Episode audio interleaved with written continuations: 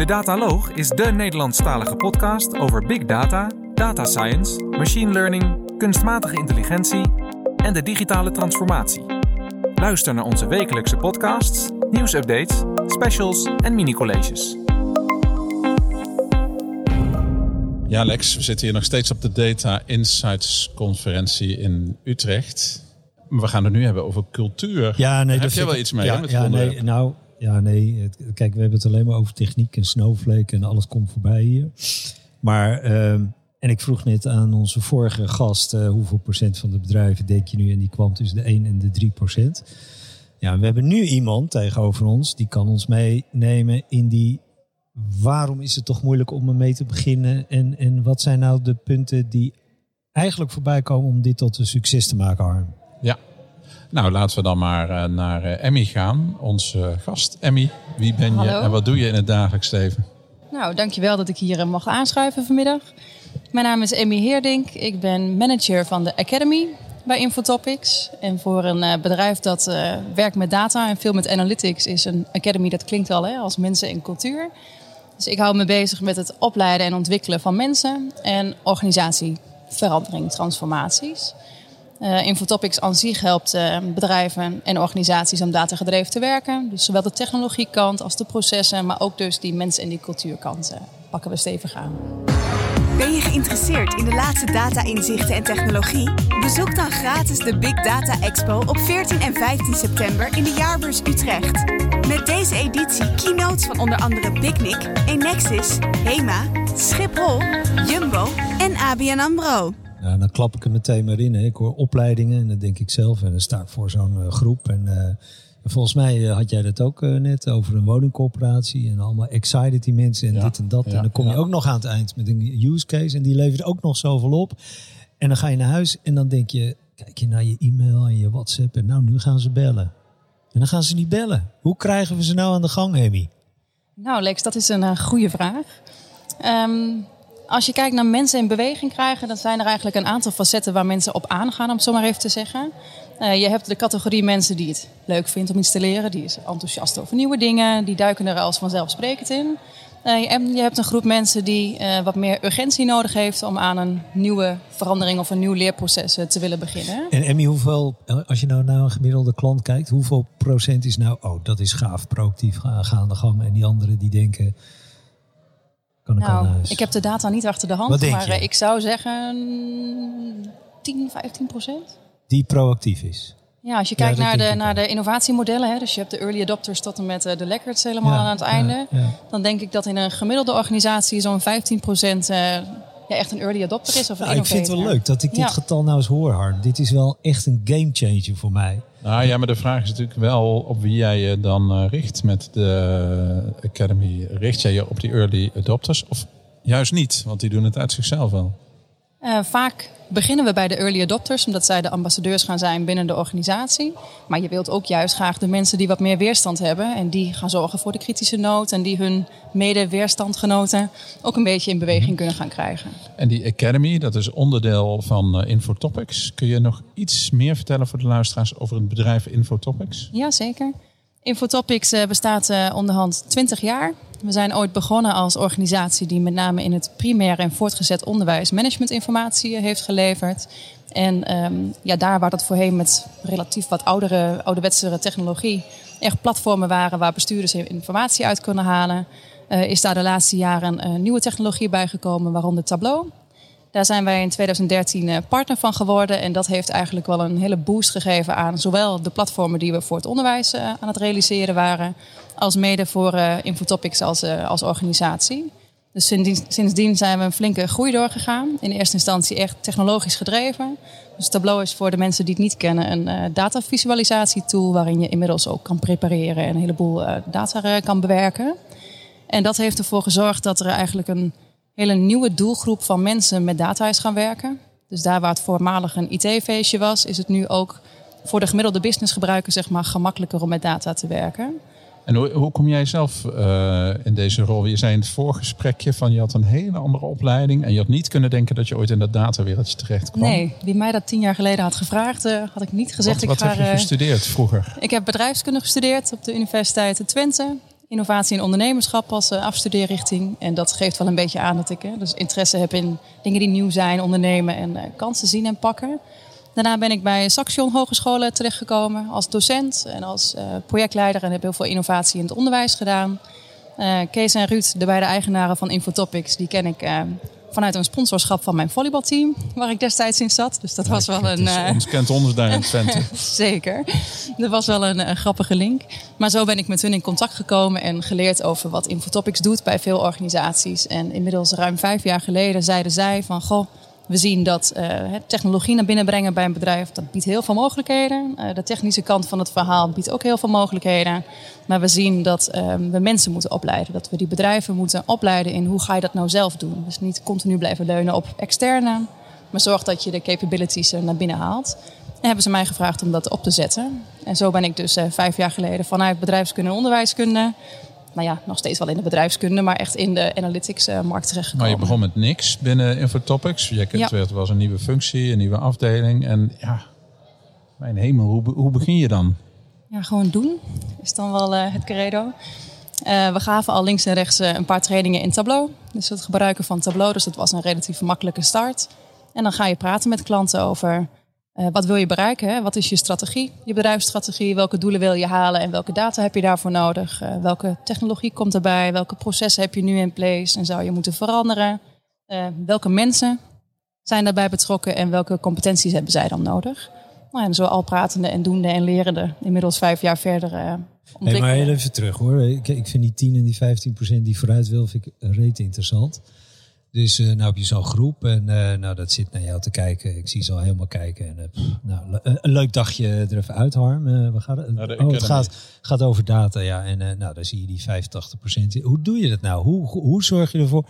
Ik geloof helemaal dat, dat, die, dat die show helemaal fantastisch gaat. Maar hoe ga, hoe ga je nou Wanneer gaan ze nou aan de gang? Wat is nou die trigger om aan de gang te gaan? Want ja, morgen weer meeting en honderdduizend e-mails en Emmy House op. Hoe, hoe werkt dat? Ik denk dat jij zelf net Academy moet, uh, Lex. Ja, ik voel ook een beetje weerstand. Ja, ja, ik, nou, ik, ik, uh, ja ik zit in die, nu in die 85% Emmy maakt me gek met data. Vertel. Maakt me gek. Um, nou ja, het is wel een ingewikkelde vraag en ik heb er niet een pasklaar antwoord op. Ik kan niet voor iedere persoon uh, inschatten hoe je dat nou precies aanpakt. Maar wat bij ons wel werkt is, breng het in de praktijk. Dus jij hebt jouw eigen vraagstukken, jullie hebben je eigen organisatie en uh, iedereen werkt met data. Soms heb je het niet eens door dat je het doet. En uh, wat is dan nu voor jou relevant? Dus welke, welke waarden zou je eruit willen halen? Dus vaak beginnen we met uh, praktijkcases naar boven halen. Wat voor resultaten zou het op moeten kunnen leveren? Een stukje brainstormen en dan vervolgens hoe doe je dat dan? Soms heb je technologische skills nodig. Soms moet je leren om de vraag achter de vraag te begrijpen. Soms heb je mensen nodig die uh, eh, KPI's moeten kunnen samenstellen. Soms uh, moet je juist wat meer leiderschap durven tonen en in de brede zin van het woord weten wat data gedreven betekent. Dus dat is ik had heel voor, verschillend. Ik had vorige week een uh, opname met ABN AMRO. Die zit ook in zo'n proces. Hè? En, maar heb jij dan mensen tegenover je uh, van allerlei soort? Of heb je mensen die niet met data werken, die moeten met data werken? En ga je dan zeggen, joh, doe een Coursera-cursus, Python? Of wat, wat, hoe ziet zoiets eruit? Heb je verschillende klassen? Heb je een klas voor C-suite die een beetje moet weten wat data is? Heb je een klas voor hoe ziet dat eruit? Je hebt inderdaad verschillende doelgroepen. En iedereen werkt op zijn eigen manier met data. we hebben in het verleden heel veel gericht op de, eh, de mensen die de analytics zelf gingen doen. Dus mensen leren van, goh, welke vragen heb je? Welke data heb je? En hoe kun je daar nou inzichten mee genereren? Ja, technisch gecombineerd met wel echt bedrijfskunde. Ja, dus ik zie een beetje tableau inderdaad. Nou, wat heb je nodig? Ja. Noem maar op. Maar met name die daar mensen... Daar begint het. Maar met name niet die technische mensen. Hoe krijg je die nou excited about ins, ins, insights van Actionable data, insights, ja. Nou, die laat je meewerken. Dus je begint wel echt met de mensen die de inzichten genereren. Okay, die ja. verstand hebben van, oké, als jij een businessvraag hebt, welke data heb ik dan nodig en hoe ga ik daar een inzicht uit halen? Um, en die inzichten die worden bekeken door mensen die daar beslissingen op moeten nemen. Dus idealiter ga je met die mensen, die besluitvormers, ga je om tafel en daar ga je mee uh, het gesprek aan van, goh, wat zou je dan willen zien? Wat heb jij nodig om jouw besluitvorming te kunnen ondersteunen met data? En doordat je dat in een samenspel laat uh, plaatsvinden, worden die mensen vanzelf enthousiaster in de meeste gevallen. En hebben ze er ook echt iets aan. En wat jij doet, uh, zorgt ervoor dat die werkzaamheden fact-based worden. Dat is soms ook helemaal niet fijn voor heel veel mensen. Merk je daar wel eens wat van? Uh, soms. Er zijn, eh, je kan fact-based op meerdere manieren doen. Hè. Soms is het echt heel prettig om te zien dat je ziet waar de knelpunten in jouw proces zitten en dat je daar actie op kan ondernemen. Ja. Maar er zijn ook ehm, eh, ja, feiten die je vastlegt waardoor iemand erachter komt, oh ik presteer niet goed. Of oh shit, mijn evaluatie was niet op orde. En dat kan best wel confronterend zijn. Ja. Ik heb eh, net, of een, twee uurtjes geleden, een eh, praatje bijgewoond hier op de conferentie van, ik ben even zijn naam kwijt, een collega van je in ieder geval. ja. Dat ging Remco, over- denk ik. Van ja, Kramp bedoel je? Een- of van, van Kramp. Ja, dat ging dus over de, de toepassing bij Kramp. Kun je, misschien is het leuk om eh, de, onze luisteraars mee te nemen in het project bij, bij Kramp. Was jij daar zelf bij betrokken, Emmy? Ja, daar was ik bij betrokken. Dat is inmiddels eh, vijf jaar geleden gestart. En zij zijn, zoals vrij veel partijen, eh, begonnen vanuit eh, bottom-up, zeg maar. Dus die hebben gezegd, oh, ik heb een knelpunt op de financiële afdeling. Ik kan mijn inzichten niet voor elkaar krijgen. Ik ben op zoek naar iets dat mij helpt om dat wel voor elkaar te krijgen. En destijds is Remco met zijn collega Bas, hebben ze Tableau eh, ontdekt. En gezegd, goh, dat is nou software die ons verder gaat helpen en waar wij eh, inzichten mee kunnen genereren die we gisteren nog niet hadden. Dus zij zijn eigenlijk op de finance afdeling begonnen, Tableau eh, geïmplementeerd en daar de eerste inzichten eh, tevoorschijn getoverd. En daarmee ook binnen de organisatie laten zien, goh, dit werkt. We kunnen heel snel inzichten genereren waar we onze business mee kunnen versterken en waar we betere beslissingen op kunnen nemen. Ja, en jullie hebben Remco vanuit de Academy Ja, we hebben zijn team getraind. We hebben een aantal Ja. mensen om hem heen eh, getraind ook. En we hebben echt een aantal eh, consultants van ons zijn daar geweest om te helpen om inzichten eh, te Ja, genereren. gaat dus niet alleen, even voor de duidelijkheid, niet alleen op technische training Tableau. Maar, nou ja, vul zelf maar aan. Ja, maar wel op. Nee, dat gaat inderdaad breder dan alleen op het tableau. Dat gaat ook over ehm, eh, gesprekken voeren met jouw eindgebruikers. Hoe stel ik nou de juiste vragen? Dat ook de mensen die dashboards bouwen, de mensen in de business een beetje training kunnen geven en uit kunnen leggen van goh, dit is wel mogelijk en dat is niet mogelijk. En denk dan eens met me mee. Eh, een stukje intervisie doen we daar ook bij. Van goh, waar loop je nou tegenaan in je werk? En ehm, hoe zou je elkaar daarbij kunnen begeleiden? Dus om een beetje weerstand weg te nemen en wat enthousiasme te creëren. Dus wat meer de softere kanten daarvan. Maar dan zijn we heel kleinschalig begonnen. En op een gegeven moment ehm, hadden zij door van... Goh, als we dit als organisatie willen laten slagen... zullen we het breder weg moeten zetten. En toen is er ook een verzoek naar de board gegaan. Is er een kwartiermaker uiteindelijk opgezet. Dat besluitvormingsproces ben ik overigens niet bij betrokken geweest. Maar wij hebben ze echt geholpen om die analytics eh, capabilities... dan verder in de organisatie eh, Ja. op te trainen. Ik vind het echt su- supergoed eh, dat je dit doet. Want ja, ik loop al wat langer mee dan jij. Die BI-tools, worden steeds makkelijker. En ik vind misschien wordt het soms wel een beetje te makkelijk. Iedereen kan eh, met een heel klein beetje instructie, of misschien zelfs zonder instructie, aan de slag met Tableau, met Power BI, eh, noem maar op. Eh, en dat is dus tegelijkertijd het gevaar dat je gewoon dashboards bouwt waar niemand wat aan heeft. Dus volgens mij die, die skills om goede vragen te stellen aan domeinexperts. Ik, ik, ik heb het idee dat dat is waar je vooral mee bezig bent. Hè? Ja, dat is het allerbelangrijkste. En wat je zegt is waar. Het is heel gevaarlijk als mensen zomaar in het wilde weg eh, beginnen te bouwen. Je moet weten wat je bouwt. Je moet weten met welke data je werkt. Je moet weten uiteindelijk, kan ik wel die conclusie trekken die ik hier nou gepresenteerd heb? Dus klopt mijn calculatie? Klopt de conclusie die de mensen daaruit eh, trekken? En is het relevant wat ik hier aan bouwen ben? Ik bedoel, leuk voor de spielerij, maar uiteindelijk is het wel... voor jouw bedrijf moet het van toegevoegde waarde zijn. En daar besteden wij heel veel aandacht aan. Het waarom. Ik wil nog over iets heel belangrijks hebben, Emmy. Want je had het over cultuur, hè? Cultuur. Wat, wat is de cultuur van een bedrijf die datagedreven wil worden? En wat is de cultuur van een bedrijf die zegt, van, ja, dag. Wat, wat, moet, wat, is, wat zijn de elementen van een cultuur om aan de gang te gaan? Hè? Want het is echt, het is, het is niet een afdelingje verkoop die een CRM-systeem krijgt. Het is de hele club die moet mee. Welke, welke elementen moeten in de cultuur komen om gebruik te maken om een datagedreven bedrijf te worden, laat ik het zo zeggen. Uh, helemaal in de basis zou ik zeggen dat datagedreven werken, als dat jouw cultuur is, dat je continu stuurt en analyseert op basis van feiten. En ja, natuurlijk in context en ja, natuurlijk met ervaring van de mensen. En ja, natuurlijk zit daar empathie en alle dingen die ik vandaag heb gehoord, is daar allemaal bij aanwezig. Maar dat je continu analyseert en daarop uh, gaat sturen. Um, wat we in organisaties veel zien, is dat het begint op één afdeling. Nou, dat noem ik geen cultuur van datagedreven werken. Als alleen finance het doet, dan doet de rest van je bedrijf het dus niet. Dus wij zeggen een ultieme cultuur van datagedreven werken is dat er op iedere afdeling wordt, continu wordt geanalyseerd op basis van feiten, cijfers, waarnemingen. En dat je op basis daarvan in ieder geval een groot deel van je besluitvorming eh, kunt doen. Ja, dat zijn verschillende uitingsvormen. Denk aan je, je wekelijkse salesoverleg bijvoorbeeld. Hè.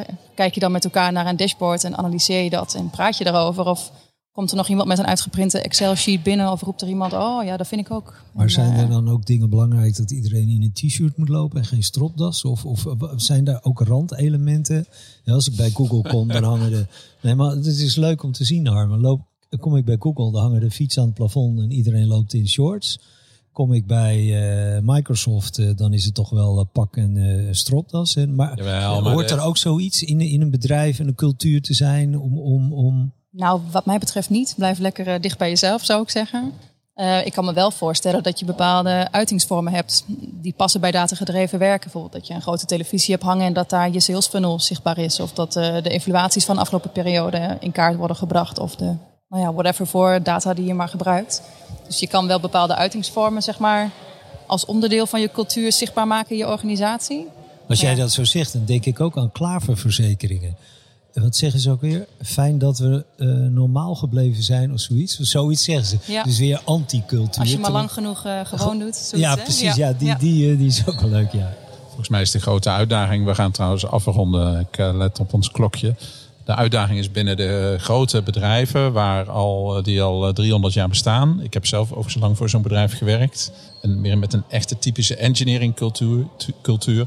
Hoe maak je zo'n bedrijf data-driven? Dat, dat is echt wel heel moeilijk. Dat Nou, is zeker heel moeilijk. Dan wil Dat ik wel als laatste vraag een antwoord van Emmy op. Emmy, wat is de tip om data gedreven te worden? Als ik nou directeur ben van een bedrijf, ik denk, god, nou, wat is nou de tip? Ik zou zeggen, werk op twee snelheden. Dus zorg dat je een lange termijn visie realiseert waarin je zegt... dit is wat ik doe als bedrijf en dit zijn de doelen die ik nastreef. En wat, wat heb ik daar aan data voor nodig om dat te kunnen ondersteunen? En tegelijkertijd gisteren beginnen. Dus zorg dat je expertise in huis haalt en dat je een begin maakt. En ze je- kunnen natuurlijk infotopics bellen. Uiteraard. En als mensen nu enthousiast geworden zijn over jouw verhaal, Mhm. ehm, hoe, hoe kunnen ze contact opnemen? Ze kunnen mij vinden op LinkedIn. Gewoon even een berichtje sturen en dan kunnen we contacten. En natuurlijk gewoon via infotopics.nl. Hartstikke goed. Hey, dankjewel voor dit gesprek. Graag gedaan. Bedankt voor het luisteren naar deze uitzending van de Dataloog. Vond je onze podcast leuk, goed, interessant of wellicht te veel ene en nullen? Laat een review achter of geef thumbs up. Heb je vragen of opmerkingen? Kijk dan ook eens op www.dedataloog.nl. Hier staan ook de show notes van alle uitzendingen. Je vindt onze nieuwe uitzendingen wekelijks op iTunes, Stitcher, Spotify en alle andere bekende podcastplatforms. Alles wat wij maken doen we onder Creative Commons. Je mag alles hergebruiken voor niet-commerciële doeleinden, zolang je ons als bron maar noemt. Volg ons op Twitter op @dedataloog. Graag tot de volgende keer.